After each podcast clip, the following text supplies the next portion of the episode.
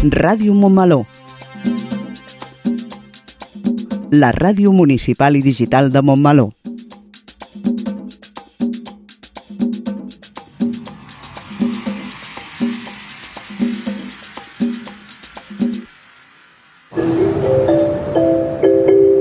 Propera parada, Montmeló.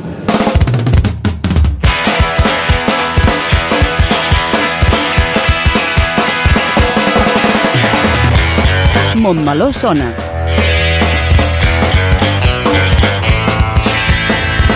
El magazín informatiu de Ràdio Montmeló.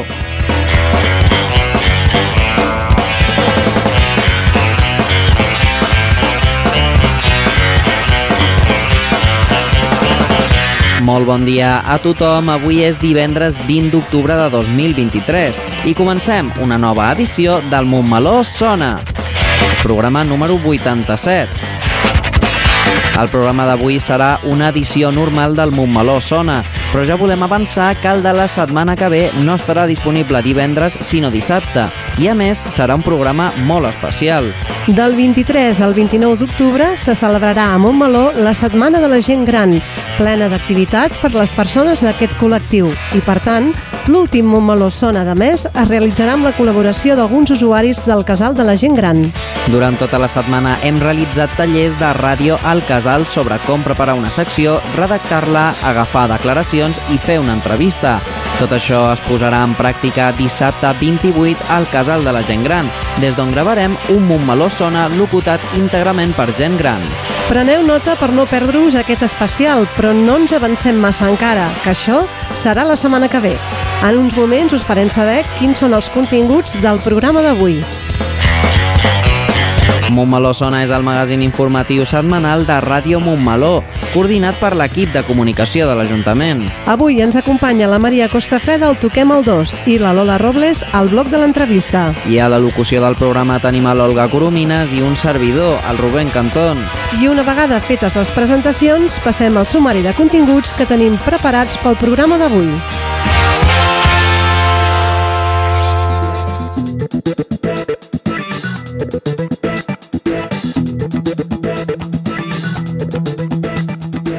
Comencem amb el Toquem al 2, on la Maria Costa Freda ens porta a la trobada internacional de Can Coral Canta al Mar, a Calella, i parla amb la Cindy Rondo, regidora de Turisme.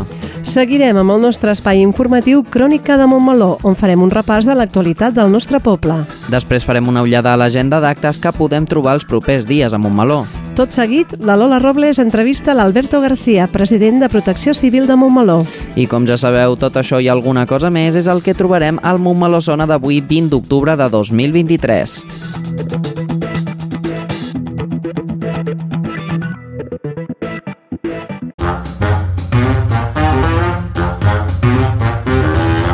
Montmeló sona, el magazín informatiu de Ràdio Montmeló. Montmeló sona i sona així de bé.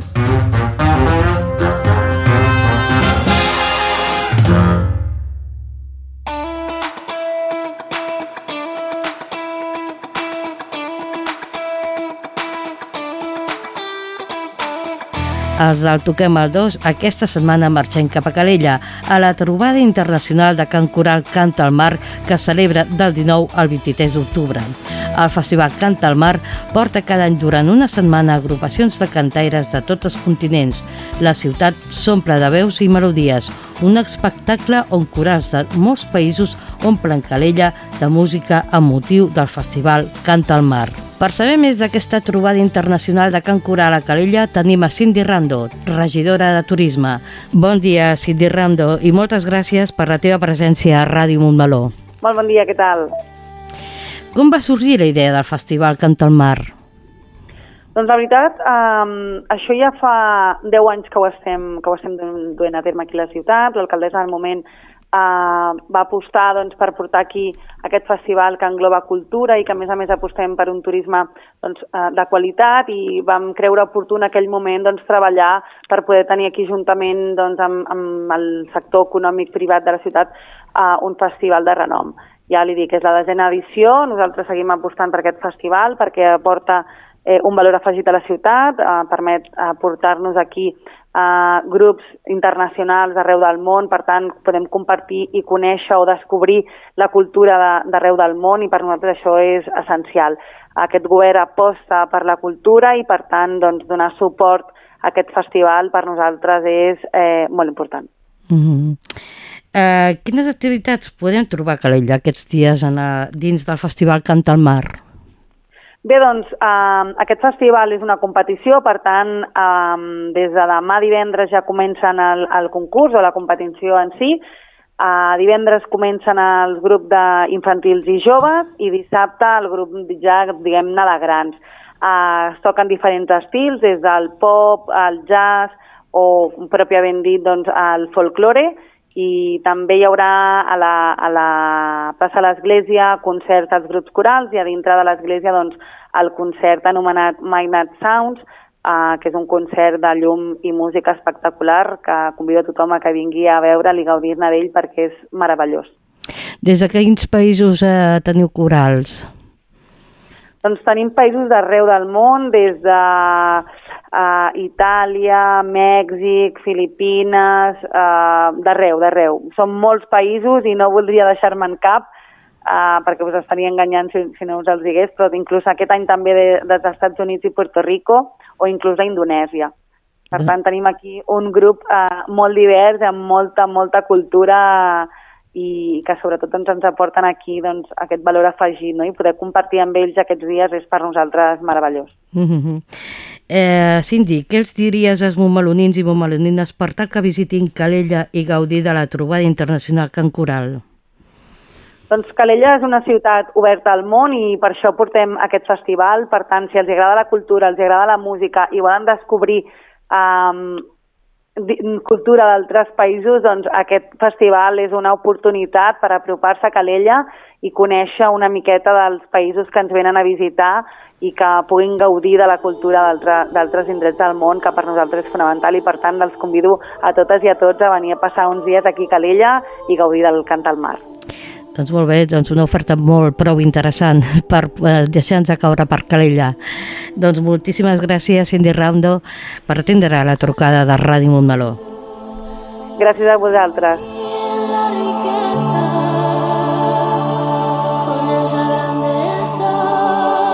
I ja marxem cap a Calella. Us emplacem al proper Toquem el 2 amb més recomanacions d'oci i cultura d'arreu de Catalunya. Bon cap de setmana.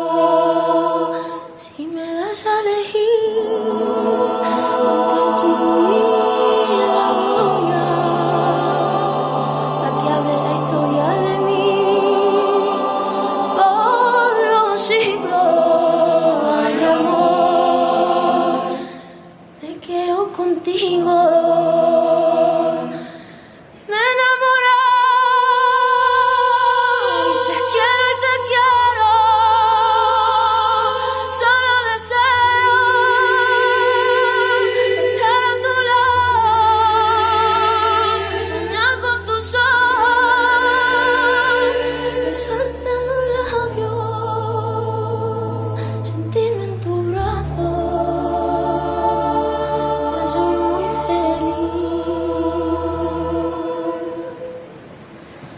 Si me das a elegir entre tú y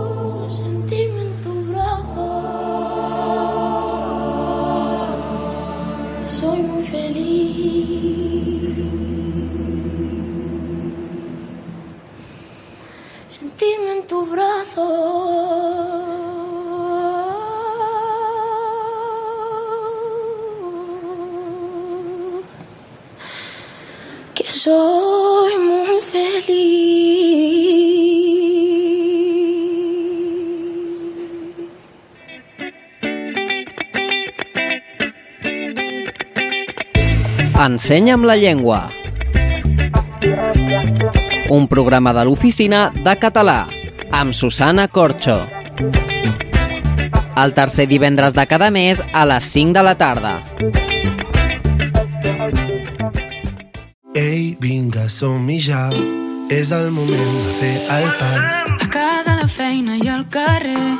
Quan anem de festa o al taller. Parla'm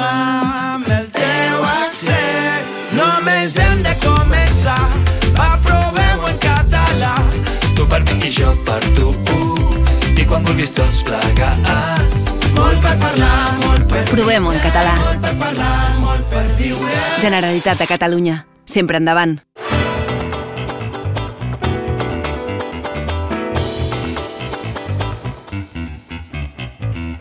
Arribem de nou al nostre bloc informatiu Crònica de Montmeló i donem pas una vegada més a les notícies locals més destacades per avui divendres 20 d'octubre de 2023. Aquest és el sumari pel programa d'avui. La ràdio fa un taller per a la gent gran. Dimarts 24 d'octubre s'obren les inscripcions a l'edició de 2023 de la Ruta de les Fonts. Nova sessió participativa per a l'elaboració del nou pla de mobilitat de Montmeló. S'inicien les obres de construcció dels 18 habitatges de protecció pública al carrer Maragall. Consulta pública per elaborar el reglament del Consell de la Infància i l'Adolescència de Montmeló. Montmeló congela la majoria dels impostos, com l'IBI, però augmentarà la taxa d'escombraries i la de l'aigua. A més d'aquestes notícies, us parlarem sobre els actes previstos per aquests propers dies.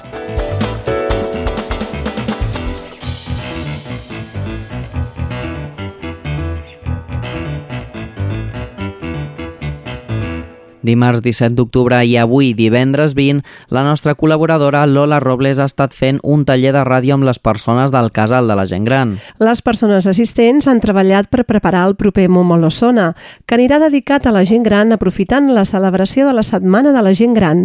En aquestes dues sessions han treballat l'entrevista, la redacció de notícies, han fet de reporters per agafar declaracions i han estat triant la música que sonarà en el proper programa. La setmana vinent, doncs, el Montmeló Sona serà ben gran i sonarà dissabte amb comptes a divendres amb unes veus ben especials. Des del dimarts dia 24 d'octubre fins al dijous 9 de novembre, tota la gent interessada en realitzar la caminada popular de la Ruta de les Fonts podrà fer la inscripció. La caminada popular serà diumenge 12 de novembre. Les inscripcions es podran fer telemàticament a través d'un formulari al web municipal momeló.cat o bé de manera presencial al pavelló municipal en horari d'atenció al públic. Si encara hi ha places lliures, el mateix dia de la caminada també es podran inscriure fins 30 minuts abans de la sortida, que serà a les 9 hores des dels Jardins de la Torreta. La coneguda Ruta de les Fonts és una ruta totalment amateur amb un recorregut circular, amb sortida i arribada a Montmeló, que transita per camins forestals i algun caminet amagat i que us permetrà conèixer un indret sorprenent, molt bonic i desconegut per molta gent del poble.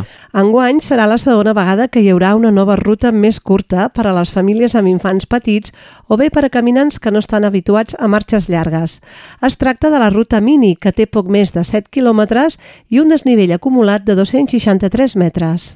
Aquest nou traçat s'ha d'afegir la ruta curta de 14 quilòmetres, la llarga de 18 i la XXL de 23 quilòmetres aproximadament.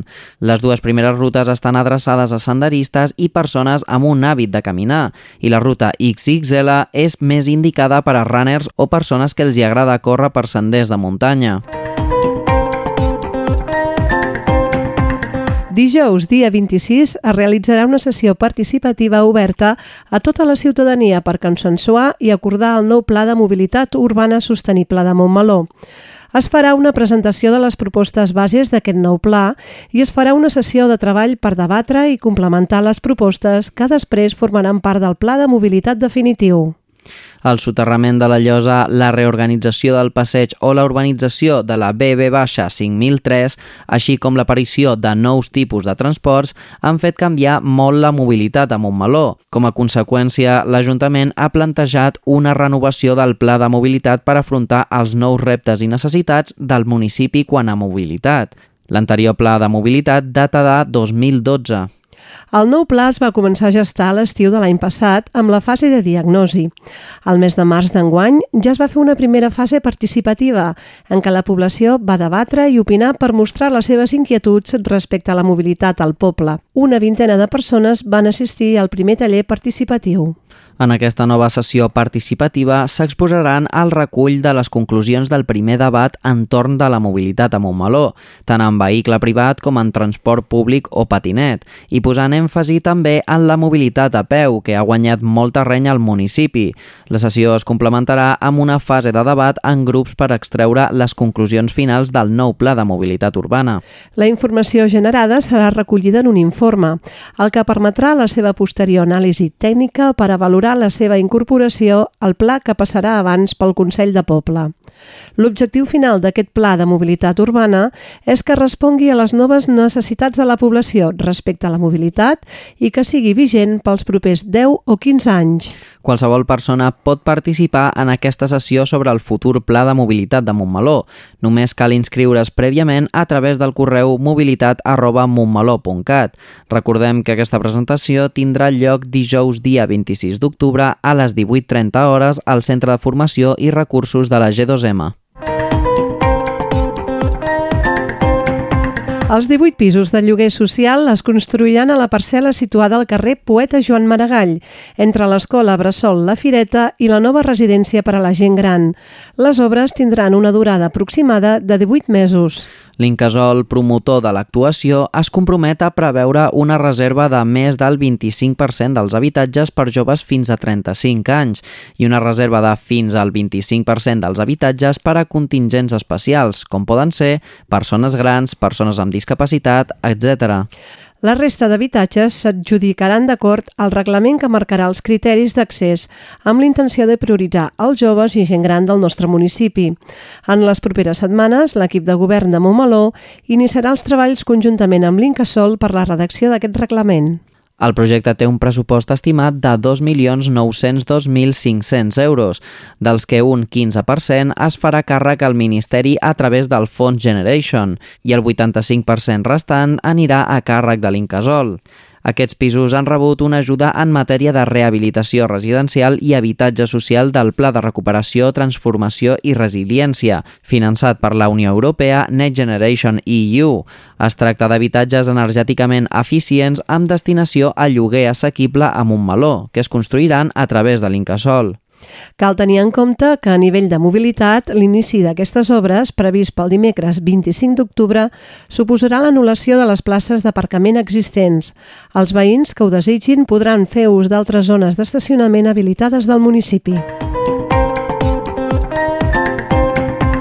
El dret de tots els infants i els adolescents a ser escoltats i tinguts en compte constitueix un dels valors fonamentals de la Convenció de les Nacions Unides sobre els drets de l'infant. Per aquesta raó, el Comitè dels Drets de l'Infant de Nacions Unides va publicar el juliol de 2009 l'Observació General número 12, en què s'insta als governs a desenvolupar el dret a l'infant a ser escoltat en tots els afers que l'afectin i a tenir en compte les seves opinions. L'Ajuntament de Montmeló té la voluntat de posar en marxa el Consell de Participació Territorial d'Infància i Adolescència de Montmeló, el qual requereix d'un reglament regulador que exposi la naturalesa de l'òrgan estable de participació que té per objectiu promoure i garantir la participació dels infants i adolescents de Montmeló en la vida pública. A partir del dia 13 d'octubre i fins al dia 31 s'obre un període de consulta pública per tal d'elaborar el reglament regulador del Consell de Participació Territorial d'Infància i Adolescència de Montmeló. Una consulta pública és un procediment estructurat que serveix per recollir opinions, propostes i suggeriments de la ciutadania. A partir del dia 13 d'octubre, qualsevol persona interessada en el projecte participatiu del Consell de Participació Territorial de la Infància i l'Adolescència de Montmeló pot fer aportacions a la proposta esborrany del reglament regulador d'aquest òrgan participatiu que es pot consultar a la web de l'Ajuntament. A la consulta hi pot participar qualsevol ciutadà i ciutadana, així com entitats i associacions que, degudament identificats, vulguin fer arribar els seus suggeriments, opinions o consideracions al reglament regulador del Consell de Participació Territorial d'Infants i Adolescents de Montmeló. Per fer-ho cal omplir el formulari que podeu trobar a la pàgina web o al crònica del mes d'octubre que s'està repartint aquests dies abans del dia 31 d'octubre. L'any vinent a Montmeló el rebut de les escombraries serà un 5% més car. En el cas d'un habitatge de dues persones, l'any vinent pagaran 2 euros i mig més al trimestre i en un habitatge de quatre persones el rebut pujarà 2 euros amb 60 cèntims, un increment que han pogut contenir gràcies a la implementació dels contenidors intel·ligents, que més bonifiquen el fet de fer-ho bé. L'altra taxa que s'incrementa és la de l'aigua. La companyia Aigües Ter Llobregat va anunciar fa uns dies que apuja la tarifa un 46%. Des de Montmeló han fraccionat aquesta pujada perquè la ciutadania no ho noti tant. Per això aplicaran un increment d'un 8% anual en els pròxims 4 anys. En el rebut només quedarà reflectit un increment del 5%, el que suposa 1,67 euros cada 3 mesos. La resta de taxes es mantenen i l'IBI, després d'anys de pujades per la revisió cadastral, es congela. D'altra banda, s'han incrementat algunes bonificacions i s'han incorporat propostes dels grups de l'oposició. Unes ordenances que s'han aprovat inicialment a la sessió extraordinària del ple celebrada dimarts 17 d'octubre. Amb la majoria absoluta del PSC, Fem Montmeló s'ha abstingut i Junts per Montmeló i Canviem Montmeló han votat en contra.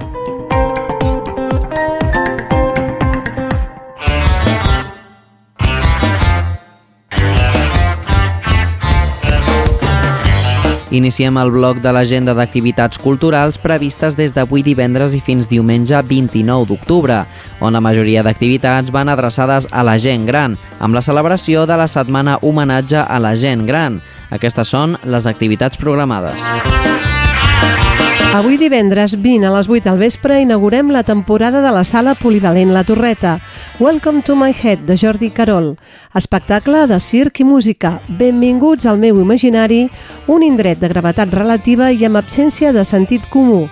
Les diferents disciplines artístiques es desvien i es transformen en peces de circ úniques, malabars amb micròfons, nijitsu amb patins, llançament de discos vinils, human beatbox... Amb un ritme frenètic i molt d'humor, Carol sorprèn amb una miscel·lània de malabars excèntrics i beatbox bufó.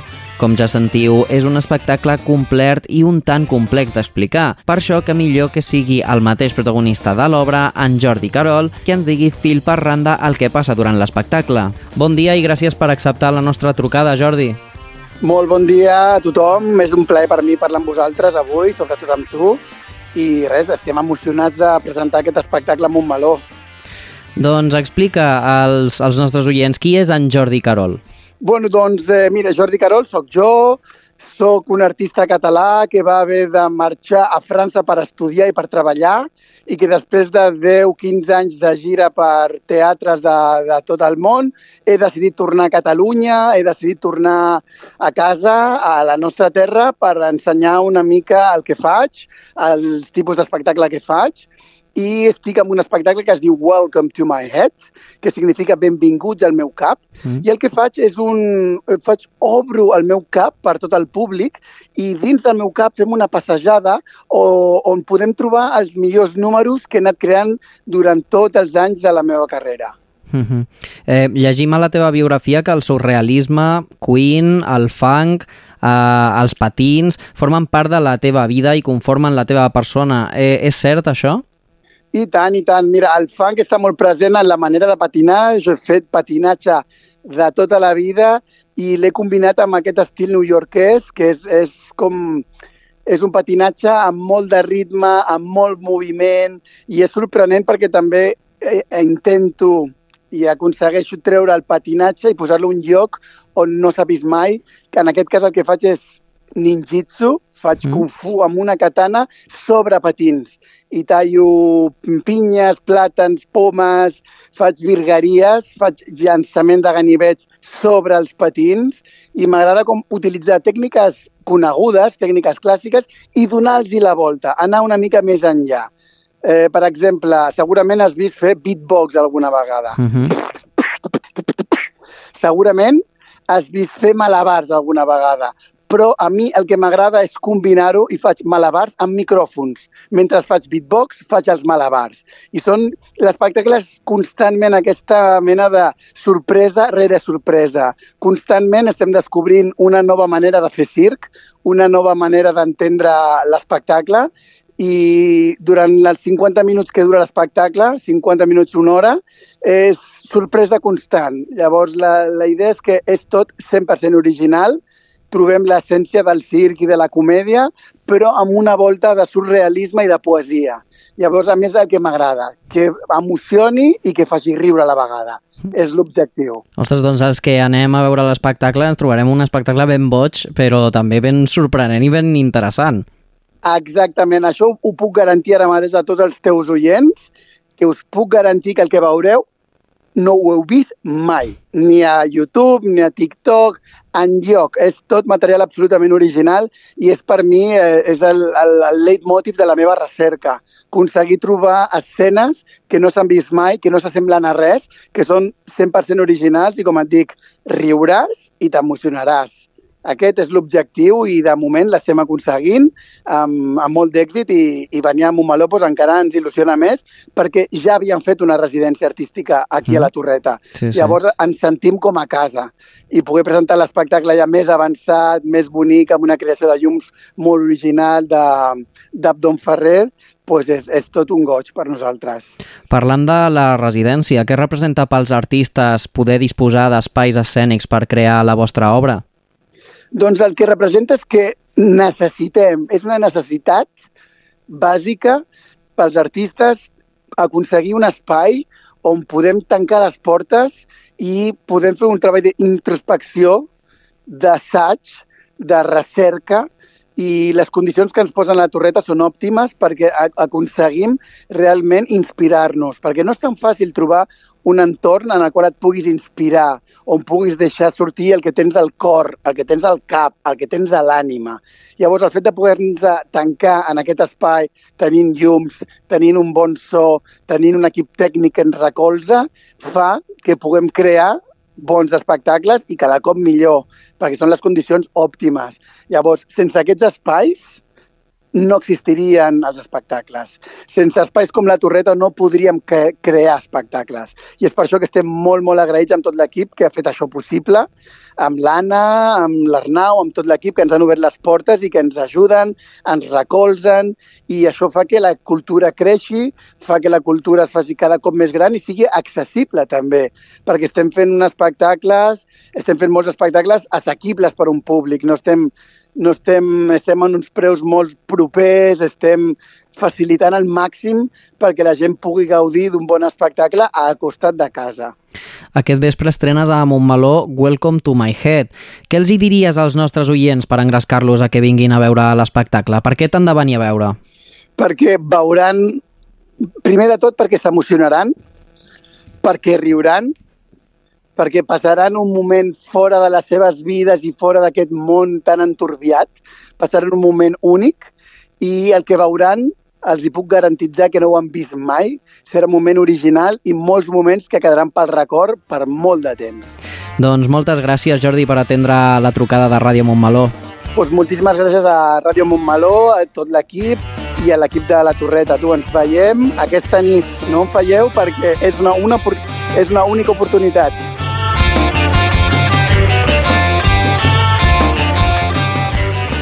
Us recordem que les entrades s'han de comprar a través de la web d'entrapolis.com i per conèixer els abonaments i descomptes consulteu la web de la Polivalent dins la web de l'Ajuntament www.montmeló.cat. Diumenge 22 a les 11 hores del matí, a l'Amfiteatre de la Torreta, l'Escola Ford Dance Center ens porta la mostra de tardor presentació del curs 2023-2024, amb una petita mostra de dansa dels alumnes de l'escola i presentació de l'equip docent. A les 5 de la tarda a la sala polivalent La Torreta, el grup Xarxa Montmeló ens porta un nou espectacle de teatre familiar On vas, Moby Dick? del centre de Titelles, Lleida. En Tim li agrada molt veure el mar, per això, sempre que pot, visita la seva àvia al poble de pescadors. Allà coneixerà la Kalin, una nena de la seva edat, que li explicarà la història de la Moby Dick. Tot jugant i fent volar la imaginació, en Tim i la Kalin reviuran les aventures de la gran balena blanca per lliurar-se dels arpons del capità Ahab i seguir nedant lliure pels set mars. Les entrades s'han de comprar a la web d'Entràpolis al preu de 7 euros pels adults i 4 euros pels infants. Remarcar que per motius d'organització, l'obra que havia estat programada per aquest diumenge, La princesa amb texans, es farà durant el mes de novembre i On vas Moby Dick ha passat a ser l'espectacle de finals d'octubre. I donem ja pas a les activitats de la setmana vinent, que com ja hem dit és la setmana de la gent gran. Per això s'han programat tot un seguit d'activitats adreçades al públic sènior de Montmeló, però que en moltes ocasions també estan obertes a tota la ciutadania. Les activitats de la Setmana de la Gent Gran s'inicien el dilluns 23, amb una caminada que, sota el nom Un tom per la història, ens portarà a conèixer diferents racons de Montmeló. La sortida serà a les 11 del matí des de la G2M. La tarda de dilluns, l'Associació de la Gent Gran proposa una tarda de karaoke dins el casal. Dimarts 24 a les 9 del matí hi ha programada una excursió a la colònia Güell. Aquesta és l'única activitat que té cost que inclou l'entrada i el dinar. Dimecres 25 començarà l'activitat amb una xerrada a la Sala de la Concòrdia sobre el dolor persistent i a la tarda el ja tradicional bingo a la Sala del Casal.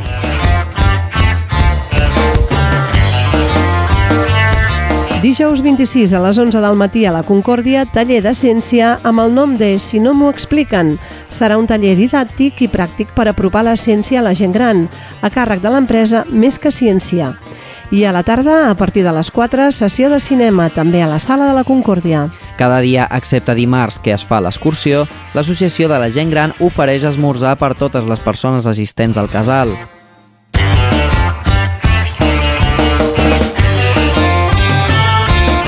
Divendres 27 a les 10 del matí canviem l'esmorzar saludable per una xocolatada de mans de l'Associació de la Gent Gran.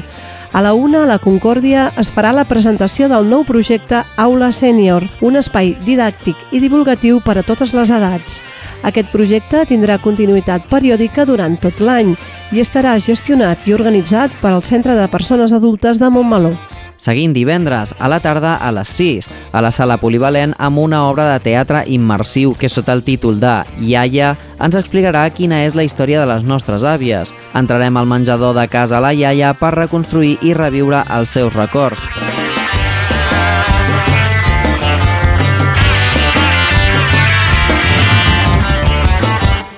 Comencem el cap de setmana de la gent gran el dissabte 28 a les 10 del matí, on les persones participants al taller de ràdio gravaran el Montmeló Sona Especial, que s'emetrà dissabte amb comptes de divendres 27 d'octubre.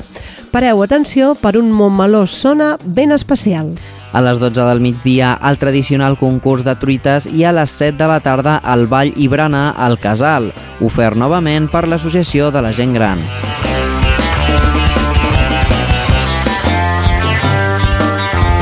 I la Setmana de la Gent Gran finalitzarà amb el ja tradicional dinar i ball homenatge a la gent gran de Montmeló, un acte de reconeixement al col·lectiu de la gent gran de Montmeló, que se celebrarà diumenge 29 al pavelló esportiu de Montmeló. Les inscripcions pel dinar es realitzaran del 16 al 20 d'octubre de 10 a 13 hores al vestíbul de l'Ajuntament i cal estar empadronat a Montmeló i les inscripcions per les activitats es fan a Consergeria del Casal i van començar divendres 11. Passa pel Casal i t'informaran àmpliament de cadascuna de les activitats previstes.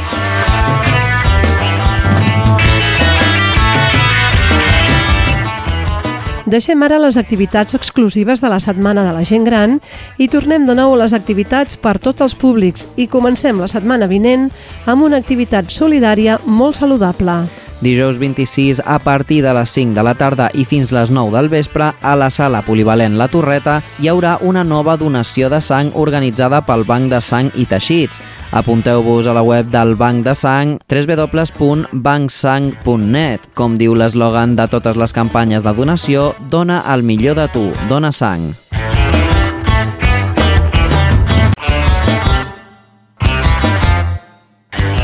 El mateix dia, dijous 26, a dos quarts de set de la tarda, A la G2M, una nova sessió participativa oberta a tota la ciutadania per treballar el nou pla de mobilitat sostenible amb la presentació de la fase de propostes.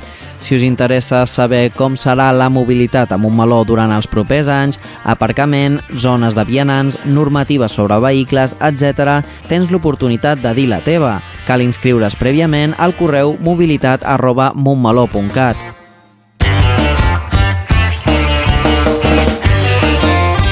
Divendres, dia 27, la Biblioteca Municipal organitza dues activitats gairebé seguides. A dos quarts de sis de la tarda arribarà una nova sessió de l'Hora del Conte, a càrrec de Susana Nabó, que explicarà contes que fan festa. Aquesta activitat està recomanada per infants a partir de 3 anys i és gratuïta. I a les 8 del vespre, l'escriptor Pep Prieto estarà a la biblioteca per parlar de la seva novel·la La dona eterna. Aquesta trobada és una xerrada tertúlia que s'emmarca dins de les activitats del Club de Lectura de Montmeló, del programa Lletres en Viu de la Institució de les Lletres Catalanes. I a la mateixa hora, a la sala polivalent, és a dir, divendres 27 a les 20 hores, es farà un segon passi de l'espectacle Iaia per tothom. Recordem que Iaia és una obra de teatre immersiu de la companyia Mambo Project, que dona una visió sobre el món de la gent gran en convivència amb els joves, especialment durant la pandèmia. Us recordem, al igual que amb l'obra de Jordi Carol, que les entrades s'han de comprar a través de la web d'entrapolis.com i per conèixer els abonaments i descomptes consulteu la web de la Polivalent dins la web de l'Ajuntament www.montmeló.cat. I arribem el diumenge 29 d'octubre a les 12 hores. La companyia resident al Replà torna a la grupa amb una nova representació del Club de les Valentes. En Pot era alt i fort. Pensava que tots els problemes se solucionaven amb la força. Quan algú es negava a fer el que ell volia, l'amenaçava dient-li que li clavaria un cop de puny. Tothom estava atemorit, però aquesta situació va arribar a la seva fi el dia que en Llaunes i els seus amics i amigues van crear el Club de les Valentes. El preu de les entrades és de 4 euros per als infants, 7 euros per als adults i els menors de 3 anys no paguen. Per aquest espectacle hi ha l'opció d'un pack familiar per a 4 persones per un preu de 20 euros. Aquesta ha estat la nostra extensa agenda d'actes de la setmana vinent i us recordem que estarem en portes de la Castanyada i de Halloween. Això és sinònim de moltes activitats relacionades amb la tardor i amb el terror. Però això són figues d'altre paner que us explicarem la setmana vinent. Doncs això és tota la informació municipal que teníem per explicar-vos avui. Tot això i algunes coses més les podreu veure, sentir i llegir a les xarxes municipals, al web momolo.cat o a l'agenda mensual.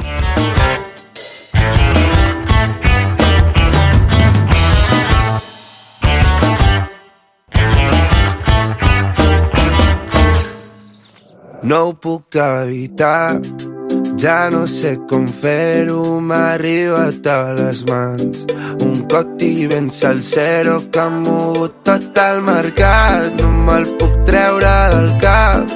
Si vols aquest secret, doncs per tres l'has de canviar. No ho puc evitar, ja no sé com fer-ho, m'ha arribat a les mans. Un coti ben salsero que ha mogut tot el mercat. No me'l treure del cap. Si vols aquest secret, doncs per tres l'has de canviar. No em vull saber res. Intento no creuar-te la mirada. No em crec històries inventades.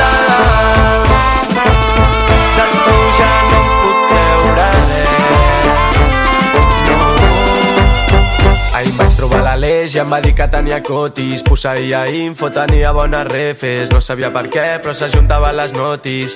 El mercat està palmant i tu estàs holding. Tira la manta, pel·li de terror No vulguis córrer la sort del traïdor.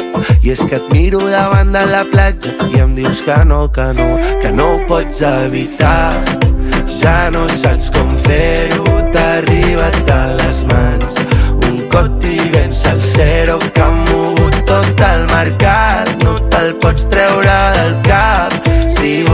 aquest secret per tres l'hauràs de canviar. No em vull saber res. Boti Marcoti, Boti Marcoti. Intento no creuar-te la mirada. Boti Marcoti, Boti Marcoti. No em crec històries inventades. Boti Marcoti.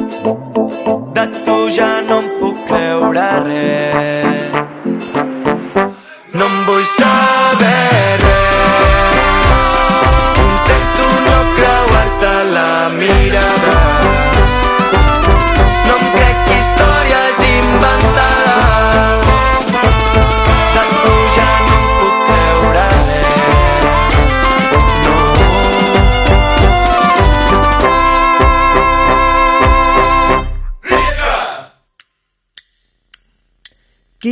Quinze són quinze, quinze, quinze, quinze, quinze són quinze, quinze, quinze són...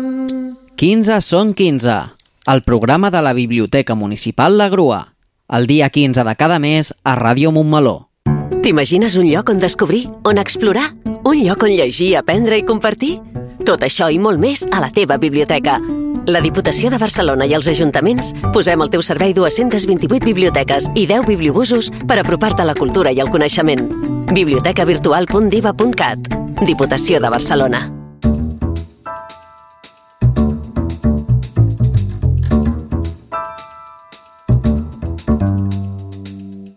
El proper 28 d'octubre se celebra el Dia de la Protecció Civil de Catalunya amb la voluntat d'esdevenir un punt de trobada i reconeixement per totes aquelles persones i organitzacions que treballen per millorar en la gestió d'emergències, reduint l'impacte d'aquestes a la societat. La protecció civil és un servei públic que s'orienta a l'estudi i la prevenció de les situacions de greu risc col·lectiu, catàstrofe extraordinària o calamitat pública en les quals pugui perillar de manera massiva la vida i la integritat física de les persones i a la pròpia protecció d'aquestes i els seus béns en els casos en què aquestes situacions es produeixin.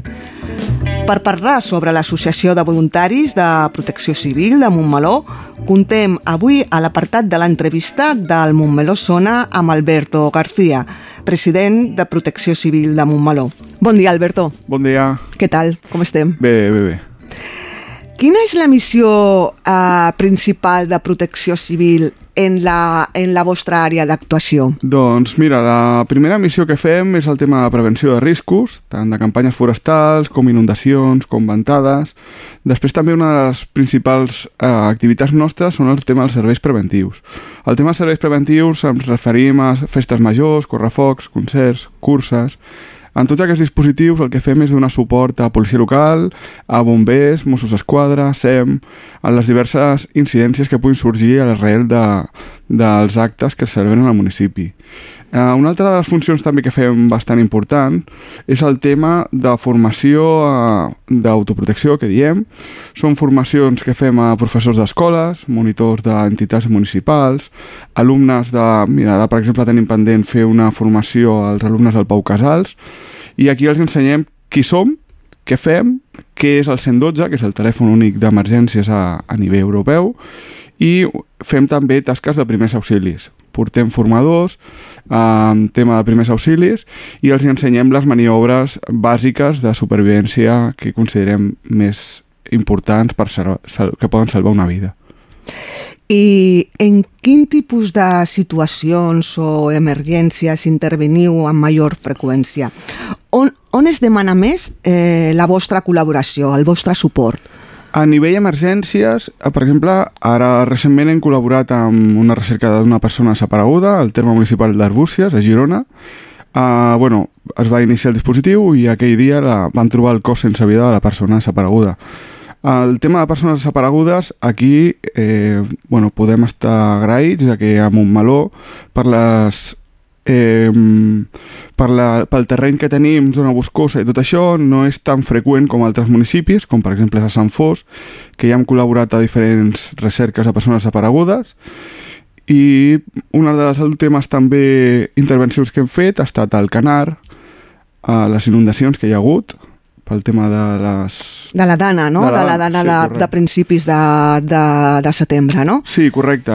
Allà per la, pel terreny que tenen, eh, bueno, ja, ja es va fer una intervenció fa un any, aproximadament, també per lo mateix, pel tema de les inundacions, perquè les característiques del terreny, la construcció allà és, és, està, bueno, estan afectades i, i és, és un tema que pel tema de pluges cada cop que hi hagi pluges, si no fan alguna intervenció, pues, ah, continuarà. I, I allà, concretament, en una situació d'inundació, per exemple, com, com aquesta que estàs parlant, que, que, eh, exactament què és el que feu?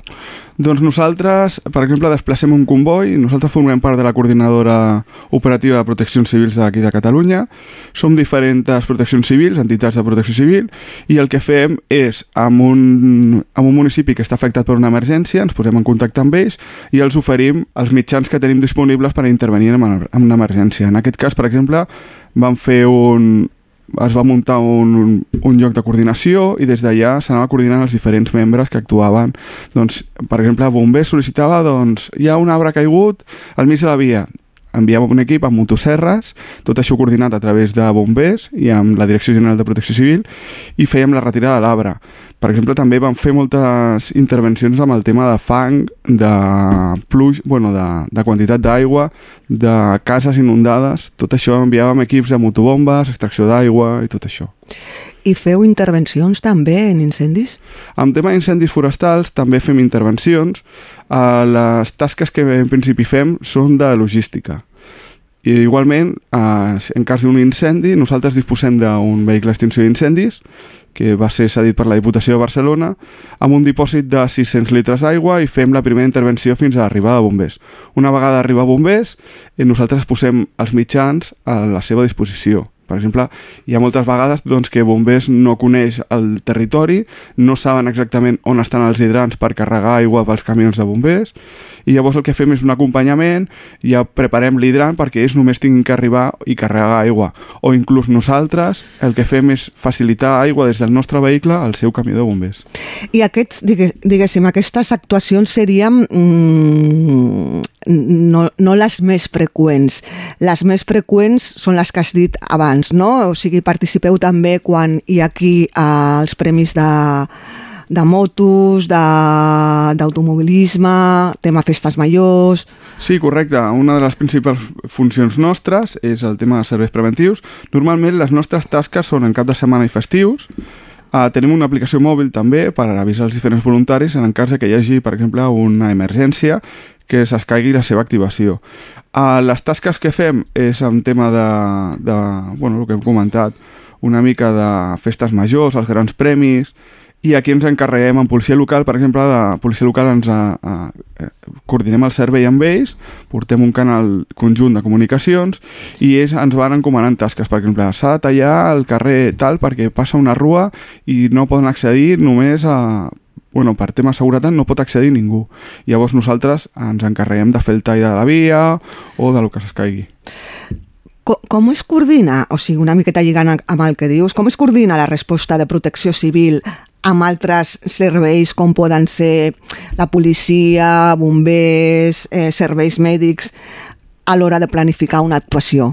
Doncs, per exemple, nosaltres tenim moltes reunions amb policia local, quan hi ha serveis que, per exemple, ara vam tenir també la cursa la volta ciclista doncs, és un dispositiu que es coordinava des de Mossos d'Esquadra de Trànsit amb policies locals i nosaltres, doncs, policies local, bueno, la policia local d'aquí de Montmeló ens va, ens va sol·licitar que havíem de cobrir diversos punts, vam sol·licitar suport a altres municipis, això sí que us ho trobareu, que veureu que els serveis preventius grans, com són els grans premis, o festes majors o serveis que nosaltres directament no podem assumir per la quantitat de punts o d'efectius que es necessiten en aquest moment, doncs demanem recolzament a altres municipis, com per exemple Parets, Sant Fos de Campsentelles, Vilanova del Vallès, Santa Eulàlia Ronçana, i llavors amb tot això el que es fa és hi ha un comandament que és el que s'encarrega de coordinar entre policies locals i, la, i, i protecció civil.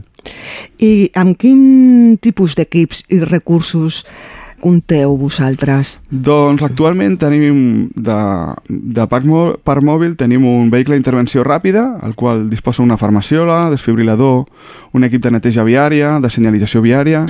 Després tenim una motocicleta també, que eh, també està dotada de senyalització viària, de senyalització per fer tema de curses i tot això, una farmaciola, eh, també tenim un vehicle extinció d'incendis amb 600 litres d'aigua el qual hi ha, per exemple, dispositius de Sant Joan, rebelles i especials, doncs està operatiu i es dona suport a, a qualsevol incident que sigui tema de relació d'incendis o accidents que puguin haver-hi a via pública. I es té coneixement de quines són les potencials situacions de risc, els principals escenaris de risc que es poden donar amb un meló? Aquí a Montmeló, desgraciadament, pel tema de pluges, bueno, com tota la resta de municipis, estem cada cop més afectats amb el tema d'inundacions. Quan, quan cau bastanta quantitat d'aigua, doncs malauradament tenim molts carrers que s'embussen i s'han de fer una neteja i s'ha de fer una intervenció al lloc. Amb això, amb, amb aquest aspecte, eh, quan hi ha tema de previsió de pluges ja s'organitza un dispositiu amb brigada municipal, que ells participen també, policia local i protecció civil. Llavors, eh, quan es van rebent les diferents alertes, diferents incidències, ja s'envien equips a la zona on s'ha de fer la intervenció. El tema de sequia també tenim per les altes temperatures. Malauradament, això amb, la, amb el pas del temps eh, és, és una cosa que tampoc que s'haurà de posar s'haurà de posar eines per poder intervenir perquè el tema de les altes temperatures cada cop anirà més. En quin moment es troba a hores d'ara Protecció Civil de Montmeló? Han canviat molt els escenaris d'actuació des de que vas entrar tu a formar part de l'associació?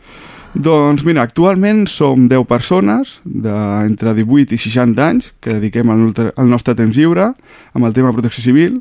Els perfils d'edat sí que són bastant variats i, per exemple, tenim personal que es dedica, que són policies locals, tècnics en emergències, personal estudiant, gent que treballa a l'empresa privada. El... També tenim gent de fora del municipi, o sigui, a part dels, dels que vivim aquí a Montmeló, que dediquem des de, des de fa anys el nostre temps lliure aquí a Montmeló, tenim gent que ve a Barcelona, Parets, Santa Eulàlia de Ronçana, de diferents punts. En relació al que comentes, ah, sí que s'ha canviat molt el tema de serveis preventius, sí que s'ha donat molt, import, molta importància al tema del voluntariat de protecció civil, cada cop s'està professionalitzant més. A això ens referim, per exemple, des de, des de fa anys s'està fent una, un curs de formació bàsica a l'Institut de Seguretat Pública de Catalunya, aquí a Mollet del Vallès, i actualment eh, estem fent un curs de formació de 70 hores. Aquí fem primers auxilis, extinció d'incendis, regulació del trànsit, comunicacions i després, una vegada superat aquest curs, sí que pots fer cursos de, de professionalització. Per exemple, uh, curs de sensibilització per fer xerrades, una altra de detecció de columnes de fum... Cada cop, ja et dic, s'està apostant més pel voluntariat de protecció civil. I una persona que vulgui formar part de protecció civil, què ha de fer? S'ha de tenir algun tipus de perfil concret per entrar dintre de l'associació? L'únic que es demana és haver complert 18 anys, disposar de temps lliure i superar el curs de formació de 70 hores. Uh, amb el tema de temps lliure sí que tampoc demanem un mínim i sí que es, es recomana això de que cap de setmana, festius, és normalment la nostra activitat principal que fem. I més a nivell personal, què és el que et va portar tu a, a formar part d'aquest servei, d'aquest doncs, cos? jo vaig entrar l'any 2008 i va ser perquè els vaig veure un dia pel carrer i vaig dir, ostres, què, ara està, què, què, què farà aquesta gent que està sempre a tots els actes, que hi ha nevades i estan, que hi ha inundacions i estan? I vaig començar a preguntar una mica al personal de l'Ajuntament a veure què feien i llavors em, em, em, van, bueno, em van convidar que formés part de l'entitat. I ja et dic, des de l'any 2008 que formo part, actualment des del 2011 aproximadament sóc el responsable de, de protecció civil a nivell municipal i, bueno, una de les situacions més que ens van sobtar més va ser quan vam anar a les inundacions d'Orihuela.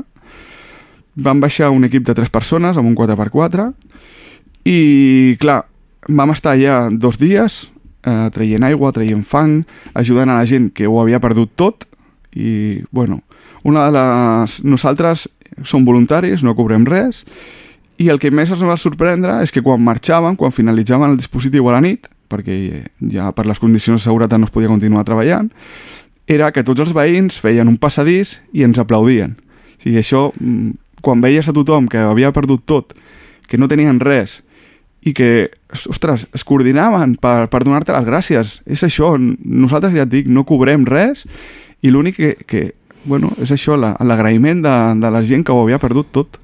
Això és el que t'anava a, a preguntar, no? Us trobeu davant de situacions dramàtiques. Què és el que t'aporta a ti a nivell personal a formar part de Protecció Civil? Doncs a nivell personal eh, m'ha ajudat molt a créixer. Jo, per exemple, jo sóc agent de policia local, jo vaig començar a, a, a Protecció Civil i llavors em vaig adonar de que, ostres, doncs el tema de les emergències eh, és el que em, em cridava, em cridava l'atenció. Llavors va, vaig començar també a formar part de Creu Roja i una mica vaig començar a implicar-me més amb el tema de les emergències. A nivell emocional, veus que, per exemple, vam fer serveis durant el Covid, durant la pandèmia, i les cares d'agraïment quan anaves domicili per domicili repartint les mascaretes o quan estaves desinfectant mm, els carrers, que, que, que fèiem un, un dispositiu de neteja de carrers i contenidors, i la gent sortia a donar-te les gràcies, sortia, sortien a aplaudir-te. Això, actes com aquests són els que t'omplen com, a, com, a, com a voluntari. I segons la teva opinió, per què és important que Montmeló tingui una associació com aquesta? Doncs des de fa molts anys, que aquí ho van fundar el company Pablo Vaca i David Gisalí, han passat moltes persones per aquí, de les quals els hi volem donar les gràcies, perquè sense ells no tindríem l'entitat que tenim. Uh, actualment, eh, ja et dic, estem en una època, estem molt contents pels mitjans que disposem, a més, el, a, a nivell polític sempre s'ha apostat pel, nivell, pel voluntariat de protecció civil perquè sempre hem donat resposta a totes les emergències que han sorgit aquí al, al, al municipi de Montmeló i municipis veïns. Ara, per exemple, també vam estar, desgraciadament, a l'atropellament mortal que va haver-hi aquí al, al circuit, a la zona del circuit, i vam estar fent tasques de logística a, policia local, a bombers i a, bueno, el que ens necessitàvem hi estava. Doncs, Alberto, no sé si vols afegir alguna cosa més. Doncs eh, voldria donar les gràcies als, al personal que forma part actualment, al, al Sergis, a la Sara i en Bric, a la Vanessa, al Juan, al Cristian, al Jonathan, Uh, gràcies perquè sense ell, sense la seva tasca, mm, seria impossible realitzar tots els, els serveis que fem aquí al municipi. De tota manera, també volem informar que estem, bueno, que estem fent una campanya de captació de voluntaris i que qualsevol persona que estigui interessada pot enviar un correu a pcmontmeló.gmail.com doncs moltes gràcies, Alberto, per haver compartit amb nosaltres, amb el Montmeló Sona de Ràdio Montmeló, la tasca tan valuosa que feu. Moltes gràcies a vosaltres.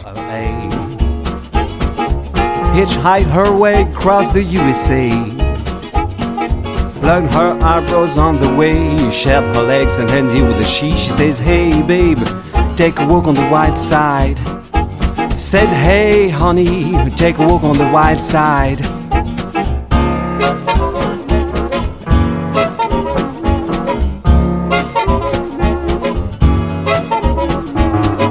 Candy came from out on the island. In the back room, she was everybody's darling. But she never lost her head, even when she was given head. She says, Hey babe, take a walk on the wild side. Said, Hey babe, take a walk on the wild side. And the cold girls go, to, to do, to do, to, do, to, do, to do, to, to do, to do, to do, to, to do, to, to do, to do, to, to do.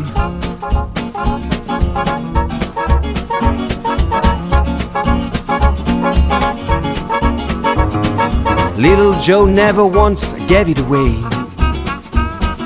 Everybody had to pay and pay. A hustle here and a hustle there. New York City, the place where they said, Hey, babe, take a walk on the white side. I said, Hey, Joe, take a walk on the white side.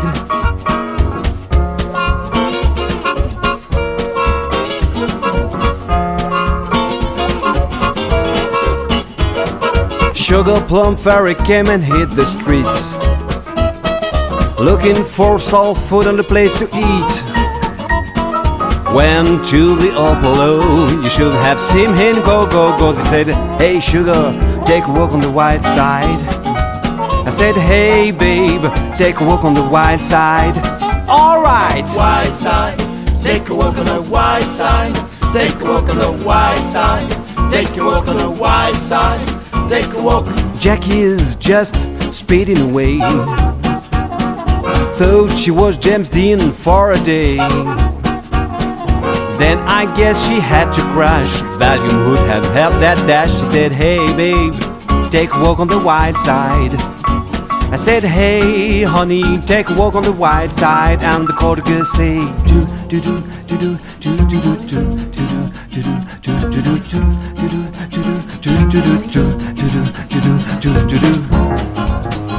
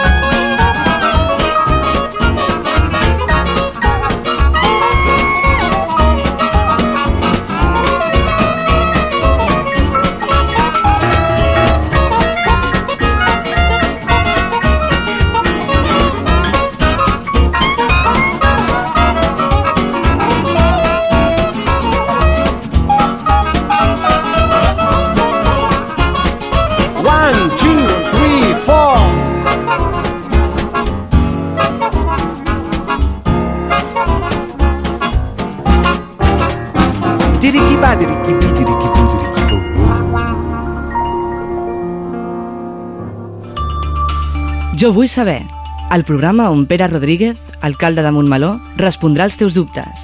Participa en directe a Instagram un dia abans del llançament o envia les teves preguntes fins dos dies abans a radiomó.montmeló.cat o amb una nota de veu al 637 150 702. Jo vull saber, l'últim dijous de cada mes a les 5 de la tarda.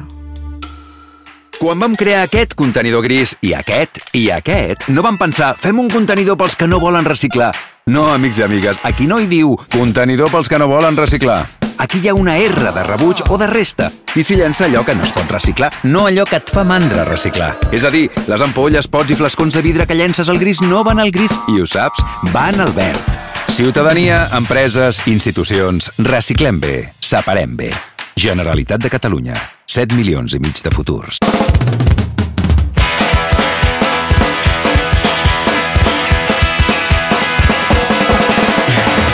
I ja arribem al final del programa d'avui, però abans d'acabar recordem la programació que podeu trobar a la ràdio durant el que queda de setmana i durant la setmana que ve. Avui divendres 20 en unes hores, a les 5 de la tarda, ja tindreu disponible el programa del mes d'octubre d'Ensenya'm la llengua. Entre altres coses, la Susana Corxo de l'Oficina de Català ens parla de la castanyada. Demà dissabte 21 a les 15 hores, la Bego, el Raül i la Fina de la Biblioteca Municipal La Grua ens porten un nou programa de 15 són 15, amb les últimes novetats literàries que podem trobar a la biblioteca. Diumenge 22 a les 7 de la tarda ens tornen a visitar les persones més desquiciades del Vallès. La Irene Cervantes i la Maria Sokowoska ens parlen de la seva experiència a la feina en un nou capítol de Dos Quiciades. La setmana vinent tenim un nou directe de Jo Vull Saber, dimecres 25 a les 18 hores. Podeu enviar les vostres preguntes a l'alcalde al nostre correu radiomo.montmeló.cat o al WhatsApp 637 150 702. L'alcalde respondrà a les vostres qüestions en directe pels canals d'Instagram arroba ajmontmeló i arroba radiomontmeló. Dijous 26 tindrem la segona edició de la temporada de Fora de Joc, el programa d'esports presentat per la Sílvia Matamoros. Podreu escoltar el programa a la nostra web a les 9 del vespre. I acabem recordant que el Montmeló Sona de la setmana que ve no estarà disponible divendres, sinó dissabte 28. Aquest Montmeló Sona serà un especial gent gran amb motiu de la setmana de la gent gran de Montmeló que es gravarà el mateix dissabte 28 al Casal. Aquest especial de Montmeló Sona el trobareu disponible a les 2 del migdia. I amb tot això marxem, però com ja és costum, us volem recordar que podeu contactar directament amb l'emissora si teniu qualsevol idea, suggeriment o opinió, mitjançant el nostre correu radiomo.montmeló.cat o a través del telèfon i WhatsApp 637 150 702. Molt bon cap de setmana a tothom. Gaudiu molt, però no us allunyeu gaire perquè Montmeló tornarà a sonar dissabte 28 d'octubre de 2023 a les 12 hores.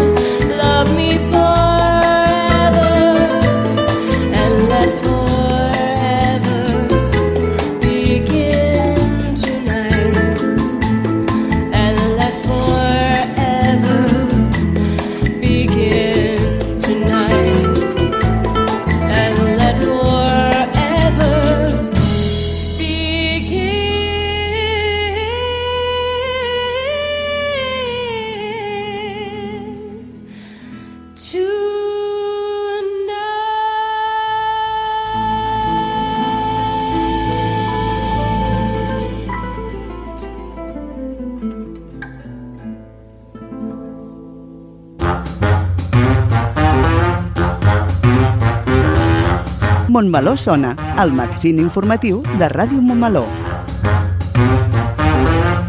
Montmeló sona i sona així de bé.